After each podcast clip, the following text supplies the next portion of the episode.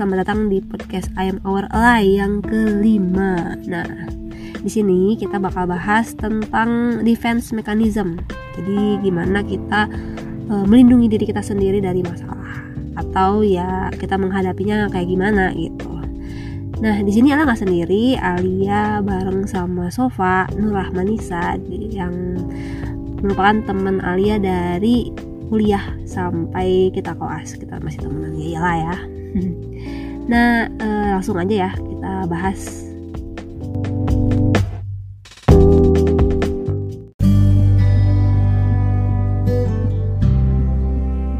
Selamat datang Sofa.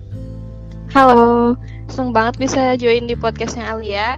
Ini sebenarnya pengalaman pertama aku bikin podcast, jadi kalau misalnya agak kayak gugup gitu atau gimana, maafin. Terus kalau misalnya ini agak kayak berisik, ada orang ngomong atau ada suara masak atau ada suara air atau kayak ada yang jualan gitu, ya mohon maaf. Harusnya malam kali ya. Next time kalau misalnya mau agak hening gitu. Oh iya boleh boleh.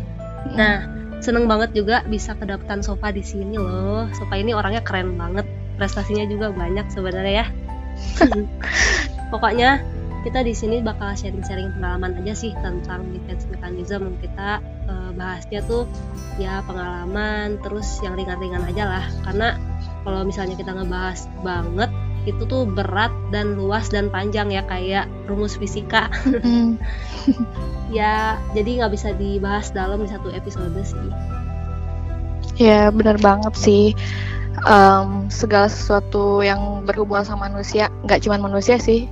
Sebenarnya kan yang semua di dunia tuh pasti kompleks ya termasuk yang manusia yang baik yang nampak ya anatomi atau yang gak nampak yang dalam hal ini yang mau kita bahas sekarang itu ilmu jiwa ya hubungannya. Ya udah pasti sangat kompleks banget dan gak mungkin kayak dibahas dalam cuman puluhan menit gitu ya. Dan iya sih menarik banget sih tentang manusia itu benar-benar kompleks dan hmm. emang harus didalemin banget sama yang expert ya dan hmm. karena kita juga bukan dokter jiwa atau psikolog kita masih koas di sini posisinya ya sharing-sharing pandangan aja yang kita pelajari Mm-mm, apalagi aku belum masuk stase jiwa ya. Jadi misalnya kalau buat teman-teman yang dengar mungkin ada koreksi atau masukan, bisa aja langsung ke aku atau ke Alia. Nah, Pak, jadi uh, kita definisikan dulu nih mekanisme pertahanan jiwa secara simpel dan mudah dimengerti. Menurut Sofa, apa sih mekanisme pertahanan jiwa dan kenapa mekanisme pertahanan jiwa itu penting buat kita tahu? Um, kalau menurut aku, mekanisme pertahanan jiwa itu kayak merupakan respon seseorang terhadap problem yang dia dapetin, di mana pertahanan ini uh, jadi cara buat seseorang itu buat menghadapi masalahnya. Nah, kenapa mekanisme pertahanan ini penting buat kita tahu? Pertama, uh, kalau menurut aku untuk diri sendiri mungkin nanti bisa jadi bahan introspeksi kan kita nggak maksudnya dalam hidup tuh harus introspeksi selamanya harus memperbaharui diri jadi lebih baik gitu ya. Nah dari mekanisme pertahanan ini kan kita bisa jadi bahan introspeksi oh tadi aku respon nanggepin sesuatu ini tuh kayak gini kira-kira itu mature atau enggak gitu kan. Terus yang kedua uh, buat uh, lebih ke relation gitu sih sama orang lain. Misalnya kayak ya mostly dalam kehidupan sehari-hari kan ya pasti ini uh, misalnya eh tadi dia tuh responnya gini. Oh kira-kira dia tuh kayak gini. Nah nanti kita tinggal mikir cara ngadepinnya gimana. Terus uh, sampai bisa kita tahu kenapa dia bisa responnya kayak gitu gitu. Ya betul banget sih.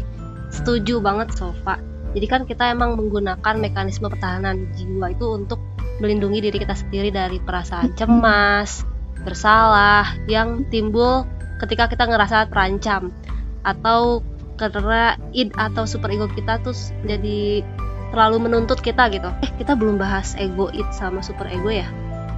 Mm-mm, belum. Boleh kalau mau dibahas Boleh. dulu. Uh, so Sofa mau ngebahas gak? Hmm, kalau setahu aku sih, mm. jadi uh, id, ego sama super ego itu um, merupakan kayak apa ya basic di mana uh, behavior atau bukan behavior sih tingkah laku kita ke depannya gitu yang membentuk.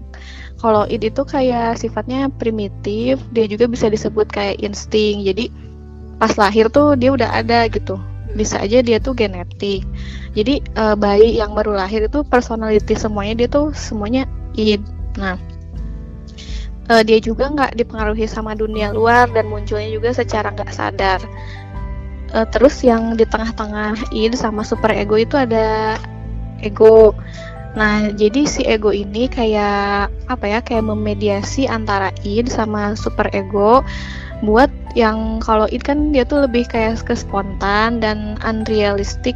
Kalau yang super ego dia tuh lebih ke kayak hati nurani. Nah si ego ini yang kayak memediasi antara dua-duanya biar balance gitu. Kayaknya biar rasional juga tapi uh, masih apa ya berhati nurani mungkin gitu ya hmm. mungkin koreksi kalau misalnya salah aku salah terus kalau yang super ego uh, tadi uh, kayak hati nurani gitu. Jadi dia tuh uh, menggabungkan nilai dan moral yang ada di masyarakat.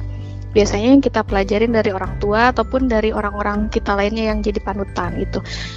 Itu sih. Nah, super ego ini uh, berkembang pada usia 3 sampai 5 tahun. Jadi penting banget buat uh, istilahnya kayak pembentukan karakter gitu ya mungkin oh. kalau pada anak-anak yang buat basic nanti ke depannya dia bersikap di masyarakat gimana gitu.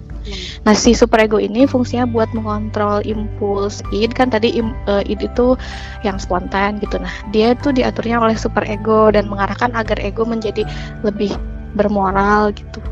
Mekanisme pertahanan jiwa itu uh, dia tuh kan uh, beroperasi di bawah sadar ya, men hmm. membantu menangkal semua perasaan yang nggak menyenangkan itu. Dan ya sebenarnya normal sih baik gitu maksudnya pertahanan mekanisme pertahanan jiwa itu tapi kalau misalnya sudah berlebihan dan berkembang menjadi kayak gelisah, fobia, obsesi, histeria dan lain-lain tuh ya bukan cuma ngerugiin kita yang ngerasain ya, tapi ngerugiin orang-orang yang di sekitarnya. Makanya kita tuh dan jadi kita tuh emang harus uh, mengenal gitu uh, defense mechanism diri kita dan terus-terusan mengupgrade supaya bisa uh, apa namanya beradaptasi gitu sama keadaan di sekitar. Ya benar banget sih. Hmm. Tahu saya juga satu orang itu bisa memiliki lebih dari satu mekanisme pertahanan jiwa. Hmm. Tapi tentunya ada yang mendominasi nih. Pertama kita bahas yang imatur dulu. Nah, ada yang namanya acting out. Jadi cara dia menghadapi sesuatu yang mengganggu dia itu dengan ledakan atau tindakan langsung yang sebenarnya mungkin tidak sesuai dengan sosial. Misalnya saat marah dengan seseorang langsung memarahi orang tersebut dia di saat itu juga tanpa pikir panjang atau ya contohnya tuh kayak misalnya gebrak meja pas marah dia hmm. langsung gebrak meja tanpa pikir panjang hmm. nah itu namanya acting out nah yang kedua itu denial jadi dia tuh menyangkal kenyataan eksternal atau pengalaman subjektif dia dengan berpura-pura bahwa itu salah atau tidak ada jadi misalnya nih ada istri yang ditinggal suaminya yang hmm. meninggal gitu ya Nah, dia itu uh, menyangkal bahwa suaminya meninggal. Dia tetap masak, dia tetap nyiapin sesuatu buat suaminya. Dia bilang, nggak nggak mungkin dia nggak mungkin meninggal kayak gitu. Nah, itu yang denial. Yang ketiga adalah regression. Nah, kalau yang ini dia menghadapi masalah dengan berperan jadi seperti man, ma, apa orang yang lebih muda daripada usianya atau anak kecil. Dan yang keempat itu proyeksi simpelnya dia tuh menyalahkan orang lain atas keinginannya dia sendiri contohnya kayak aku tuh kayak gini tuh kayak gara-gara kamu gini misalnya aku itu uh, apa ya aku itu selingkuh karena kamu. Karena kamu kayak gini gitu misalnya kayak gitu. Itu uh, dia itu adalah projection. Dan yang kelima ada omnipotent apa sih yang omnipotent ya? Jadi dia itu merasa memiliki keunggulan daripada orang lain. Nah pak punya pengalaman nggak sih mengenai mekanisme pertahanan jiwa yang imatur ini? Ada banget sih yang dilakuin sama diri sendiri juga. Pasti ada pasti sering kayaknya bukan ada sehari-hari pernah lah ada satu dua gitu. Ataupun yang aku dapat dari orang lain. Dilakuin tanpa sadar kalau lagi hilaf gitu misalnya. Tapi kalau makin ke sini makin tua ya berpikir juga sih harus ya berusaha lagi buat lebih ngurangin lah yang kayak gitu-gitu. Iya bener banget emang. Uh, kalau kita tuh kadang-kadang imaturnya keluar gitu kan. Hmm. kadang-kadang kalau lagi kena masalah tuh nggak bisa pikir panjang gitu ya kadang-kadang hmm. tapi emang harus um, kan belajar terus kita juga sebenarnya belajar ya seumur hidup yeah. nah kalau yang menarik buat, buat aku sih ya yang omnipotent nih jadi uh, aku tuh banyak ngamatin banyak orang yang mungkin nggak percaya diri nah hmm. karena nggak percaya diri jadi malah ngebuat uh, apa supaya dia nutupin ketidakpercayaan dirinya dia tuh dengan uh, dia ngerasa lebih baik daripada orang lain jadi kadang-kadang mm -hmm. tuh kalau ada orang yang misalnya sombong atau kayak gimana mm -hmm. gitu aku tuh ngerasa kayak jangan-jangan dia tuh sebenarnya tuh cuma buat ngebohongin mm -hmm. diri sendiri gitu kasihan malah jadi nah uh, gimana nih menurut bener sih sering juga nemu kayak gitu sering sih itu bukan menurut aku bukan hal yang langka orang yang kayak sombong terus pura-pura punya apa punya apa padahal sebenarnya dia tuh nggak ada. Dan ya itu tadi menurut kamu buat nutupin gitu sih. Ya sebenarnya juga ada pengalaman menarik lagi mengenai mekanisme jiwa yang imatur yang denial. Tapi kita bahasnya setelah kita tahu tentang mekanisme pertahanan jiwa yang matur ya kita bahas yang matur sekarang. Hmm. pertama ada yang altruism. Jadi dia mendahulukan kepentingan orang lain dengan begitu menghindari perasaan negatif yang dia miliki di nah di sini tuh dia puas mendapatkan respon bahagia dari orang lain. Ini yang altruism. Yang kedua ada yang humor. Jadi dia tuh mengekspresikan perasaan tidak nyaman dalam bentuk lelucon tanpa menyebabkan ketidaknyamanan pada diri sendiri. Jadi kayak ya uh, dia kena masalah dia ketawain gitu bareng-bareng sama teman-temannya kayak yang ketiga adalah sublimasi. Jadi dia menyalurkan perasaannya yang tidak baik. Jadi nggak perasaannya itu tidak baik. Jadi dia diungkapkannya itu dengan uh, melakukan sesuatu yang berguna kayak olahraga, menggambar, sama kegiatan-kegiatan lain yang bisa diterima di masyarakat. Yang keempat adalah supresi. Jadi dia tuh sengaja menghindari suatu pemikiran sehingga keluar dari kesadaran. Jadi Pak, dari keempat pertahanan jiwa yang matur, yang mana yang terbaik menurut Sofa dan kenapa dan mungkin Sofa ada pengalaman menarik tentang ini nggak? Kalau yang terbaik menurut aku sih nggak ada. Semuanya tergantung situasi sama kondisi mana respon kita yang lebih pas gitu. Kalau aku di dunia koas sendiri paling sering ngegunain mekanisme humor sih.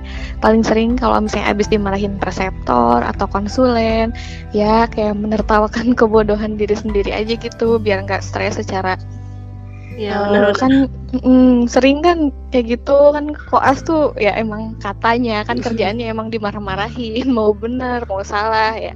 Gitulah kerjaannya. Jadi ya aku biasanya biar nggak stres misalnya eh tadi kok gini ya? Kok aku kayak orang ini ya? Terus kayak ngetawain aja gitu sama temen-temen. Sering sih sering banget ya gitu. Mm, Sa yeah. tapi ya abis itu kayak mikir oh berarti next time nggak boleh kayak gini gitu. Cuman itu yang emang bener sih bikin jadi nggak stres habis yeah. kayak gitu gitu. Kalau nggak stres kita iya. Aduh. Nah. Dua tahun cuy.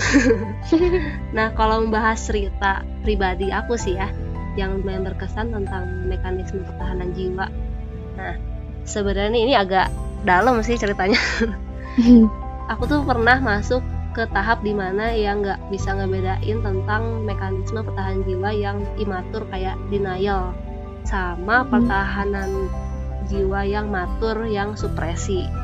Jadi aku tuh emang orangnya kalau misalnya uh, ada masalah pengennya tuh masalah itu tuh gimana ya uh, dianggap nggak masalah gitu di pikiran aku sendiri. Walaupun itu sebenarnya masalah banget gitu sebenarnya. Nah terus ada yang uh, pokoknya ada suatu kejadian yang uh, bikin aku mikir uh, sebenarnya aku presi atau denial gitu.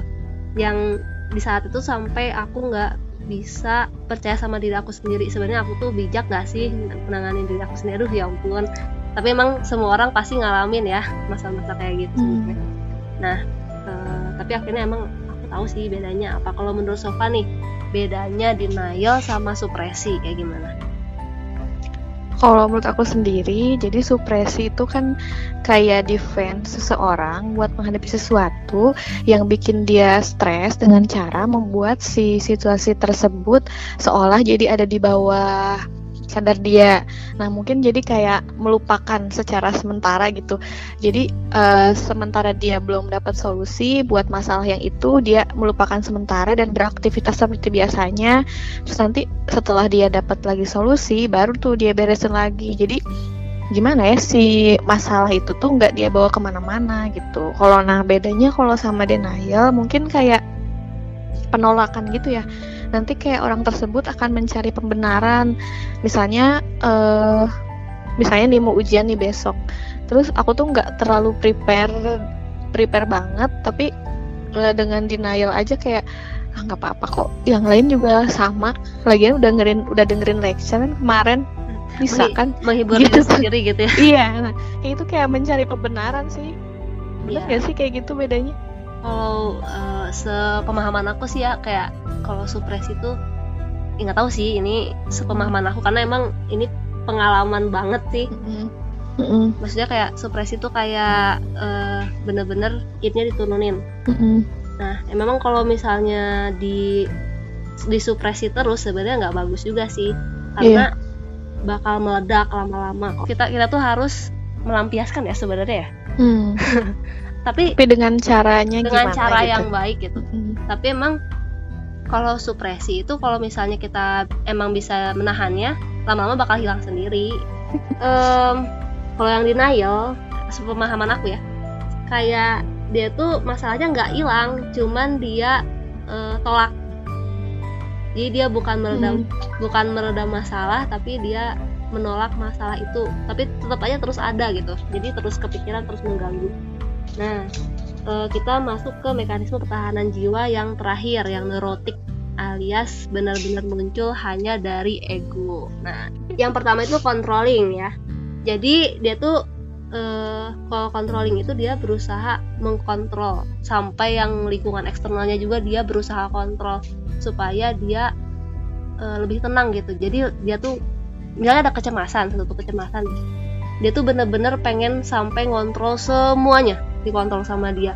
Sampai orang lain juga sama dia pengen dikontrol gitu supaya kecemasan tersebut tidak terjadi kayak gitu nah yang kedua itu displacement. Jadi dia itu memindahkan perasaannya ke yang hierarkinya lebih rendah ke targetnya yang lebih rendah daripada target utamanya. Jadi misalnya dia marah ke bosnya nih. Jadi dia marahnya ke yang hierarkinya lebih rendah yang bisa dia marahin ke anaknya misalnya kayak gitu. Nah misalnya dia marah ke temennya nih nah daripada dia marah ke temennya dia lebih memilih untuk melempar gelas. Karena gelas itu nggak hierarkinya lebih rendah daripada temennya gitu. Misalnya kayak gitu. Ya yang ketiga adalah rasionalisasi. Jadi dia tuh menenangkan dirinya sendiri dari menghadapi emosi atau fakta yang tidak menyenangkan dengan penjelasan yang tidak tepat. Yang membuat masalah tersebut jadi bukan masalah. Jadi dia tuh punya masalah nih. Terus mm -hmm. uh, dia tuh nenangin diri sendiri dengan melakukan uh, apa dengan penjelasan yang nggak tepat gitu kayak gitulah. Jadi misalnya kayak uh, apa ya pak ada contoh nggak? Uh, mirip-mirip ini gak sih mirip-mirip denial? Kayak hmm. ya. Kayak dia tuh ngejelasin tapi ya pada akhirnya orang itu mencari pembenaran gak sih?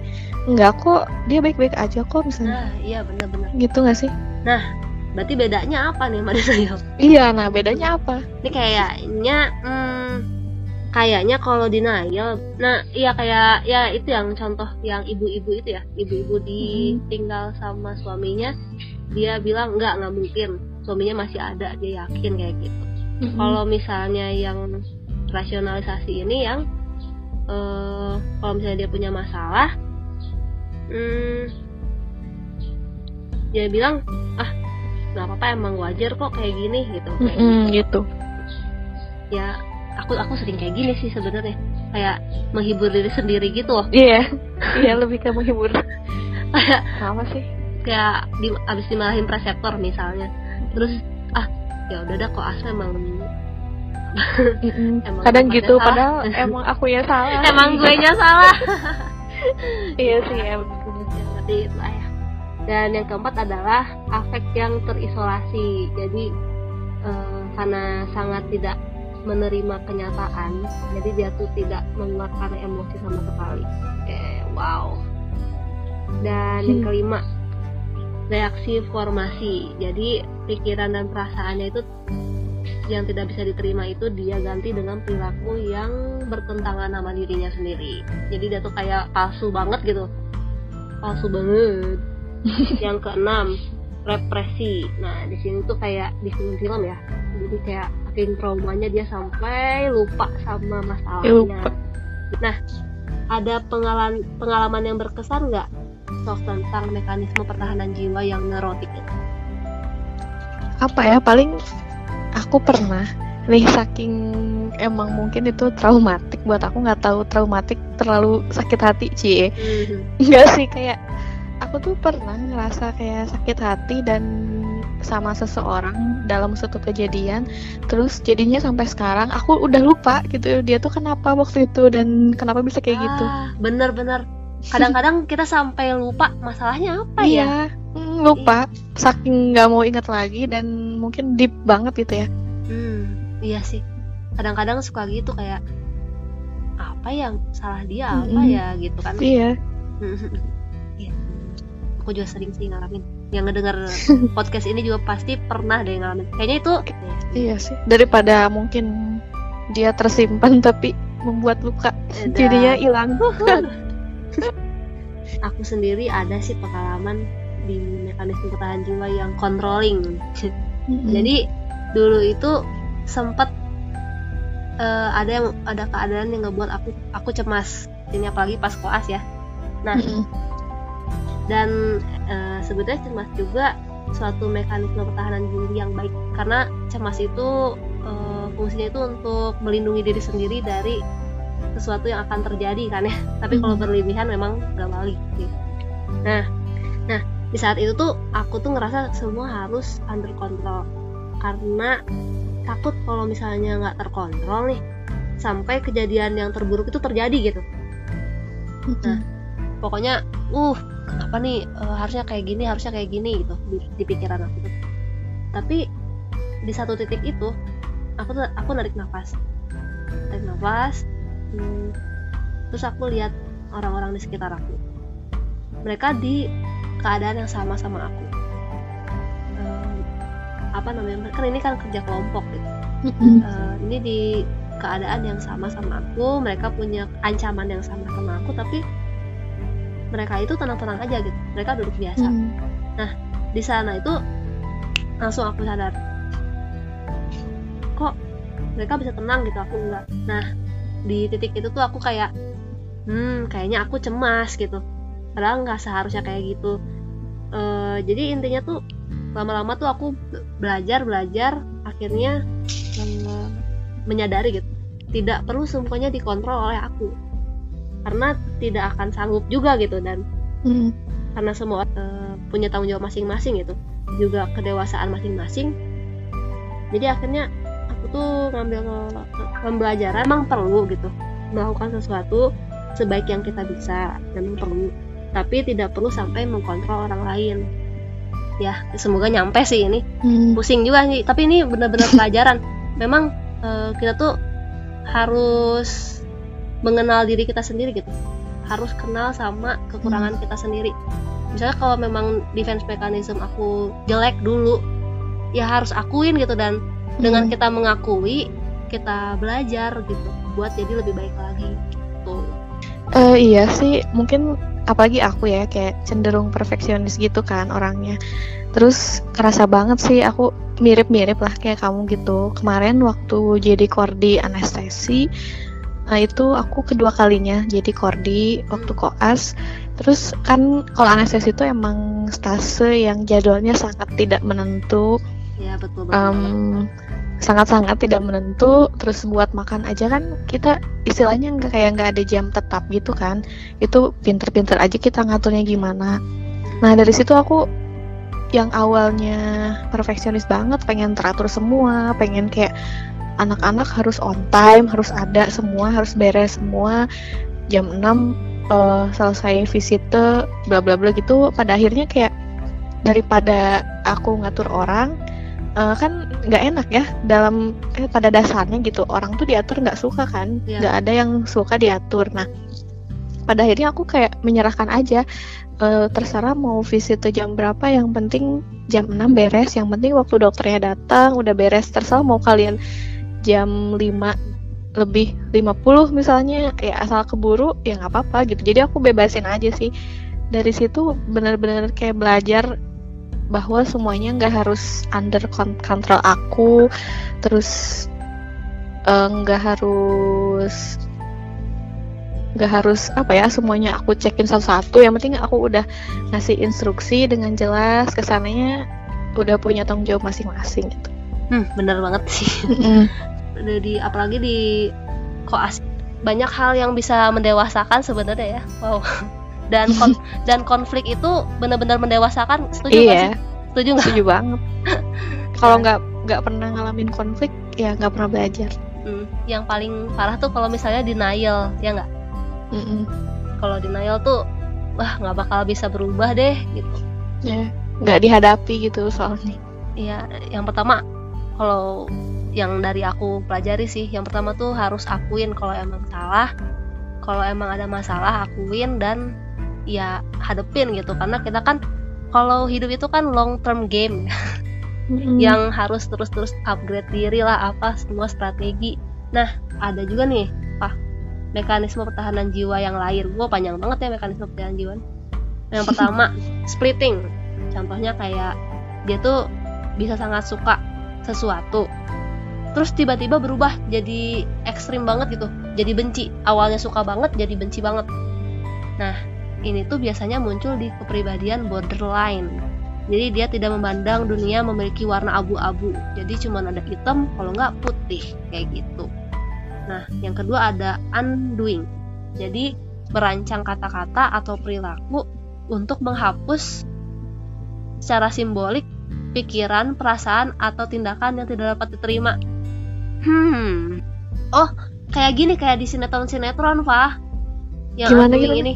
Jadi kalau jadi dia itu uh, misalnya kayak dia habis selingkuh nih. Mm -mm. Nah, ke istrinya itu akhirnya dia baik-baikin. Oh. Ah, kayaknya gitu deh. Mm Menghapus kayak rasa bersalah. Nah, iya secara simbolik mm. ya gitu kayaknya atau tindakan. Bener nggak? Iya, iya, iya. Nah, sebenarnya pasti banyak ya yang bisa kita bahas tentang defense mechanism karena banyak banget defense mechanism kan um, tapi dari semua bahasan nih menurut Sofa mekanisme tahan diri yang terbaik itu yang kayak gimana? Apa ada yang berkesan itu atau apa mungkin? Yang berkesan apa ya? Paling pernah dicurhatin gitu sama seorang teman jauh jadi kayak orang tuanya itu pernah didiagnosis BPD atau borderline personality disorder. Um, jadi orang tuanya itu kayak impulsif gitu, misalnya bener kan ya? Kalau orang BPD impulsif ya. Misalnya anaknya ada salah ngomong dikit atau disuruh apa. Misalnya disuruh beli apa salah beli dikit. Tapi responnya tuh impulsif banget gitu. Kayak ngamuk. Ngamuk yang bikin kita bertanya-tanya kok gitu banget sih responnya? Padahal kan cuma salah beli bawang misalnya. Oh. gitu tuh kalau teman nggak ada? Kalau temen sih nggak ada sih. Tapi ini anaknya nggak kenapa-napa pak? Maksudnya kan kalau misalnya Cuman... dia dia dibesarinnya kayak gitu mungkin ada enggak ya? Ya Terang... dia juga jadi mm, jadi sering ya depresi ya pasti ada sih ya. Nggak tahu nah, sih, nah, sih. kasihan juga mm -mm.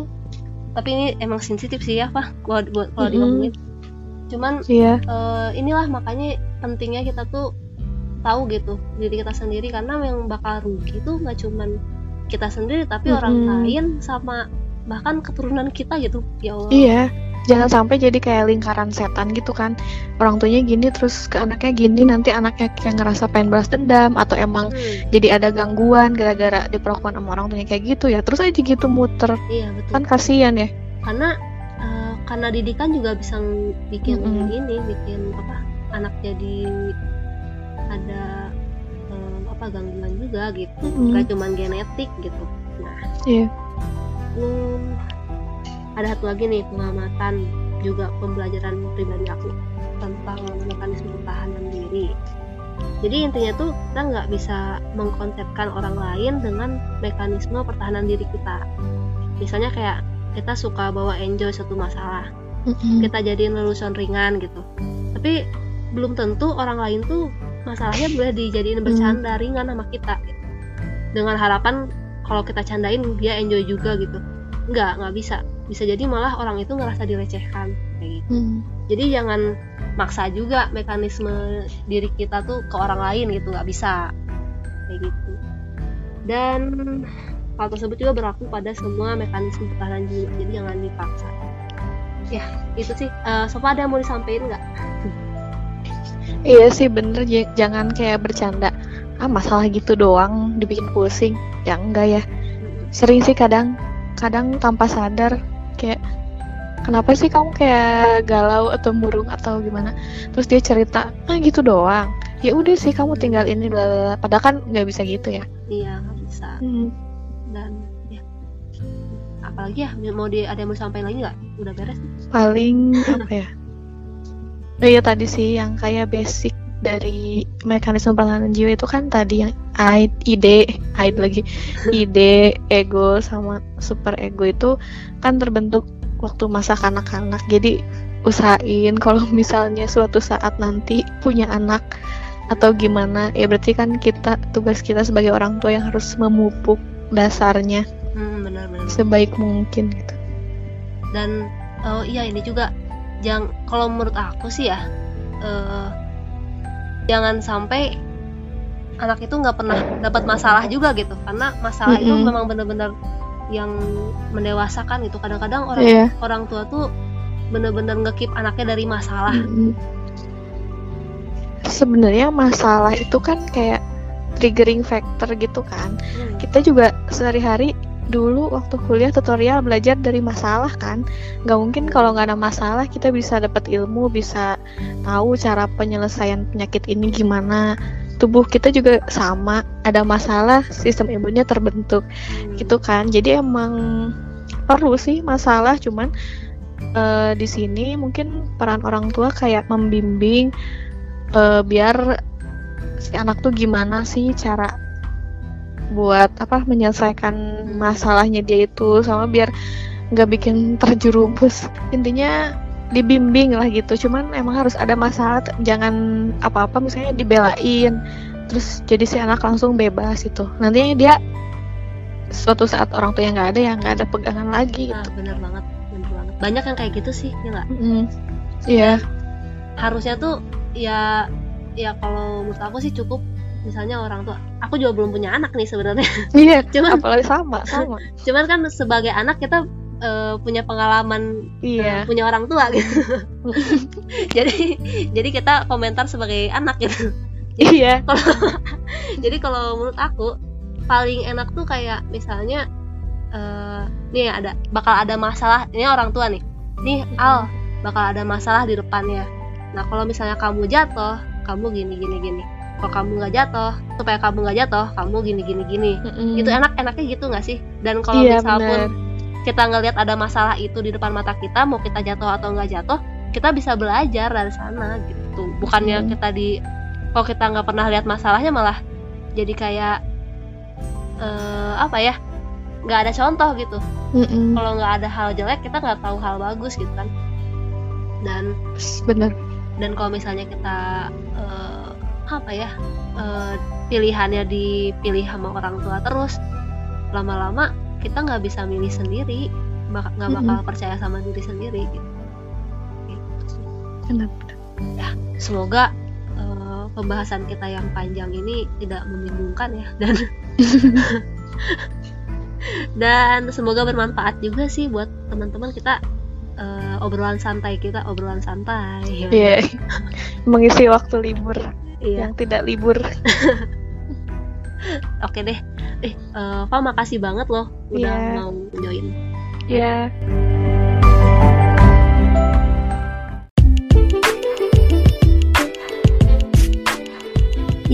Jadi jangan pernah berhenti mencoba untuk mengupgrade cara kita beradaptasi dengan masalah. Jangan sampai masalahnya itu-itu aja. Kalau iya masalahnya itu-itu aja, berarti kita nggak belajar. Dan jangan lupa itu merupakan salah satu cara untuk mencintai diri kita sendiri. Dan diri kita itu merupakan proyek terbesar yang ada yang pernah kita jalani di hidup kita. Karena kita itu merupakan bentukan dari diri kita sendiri. Sebuah hal bisa dipelajari. Kalau kamu pengen jadi lebih baik itu bisa dipelajari. Ya yang penting kita tahu masalahnya di mana so don't forget to love yourself dan semangat untuk menjadi lebih baik. Cheers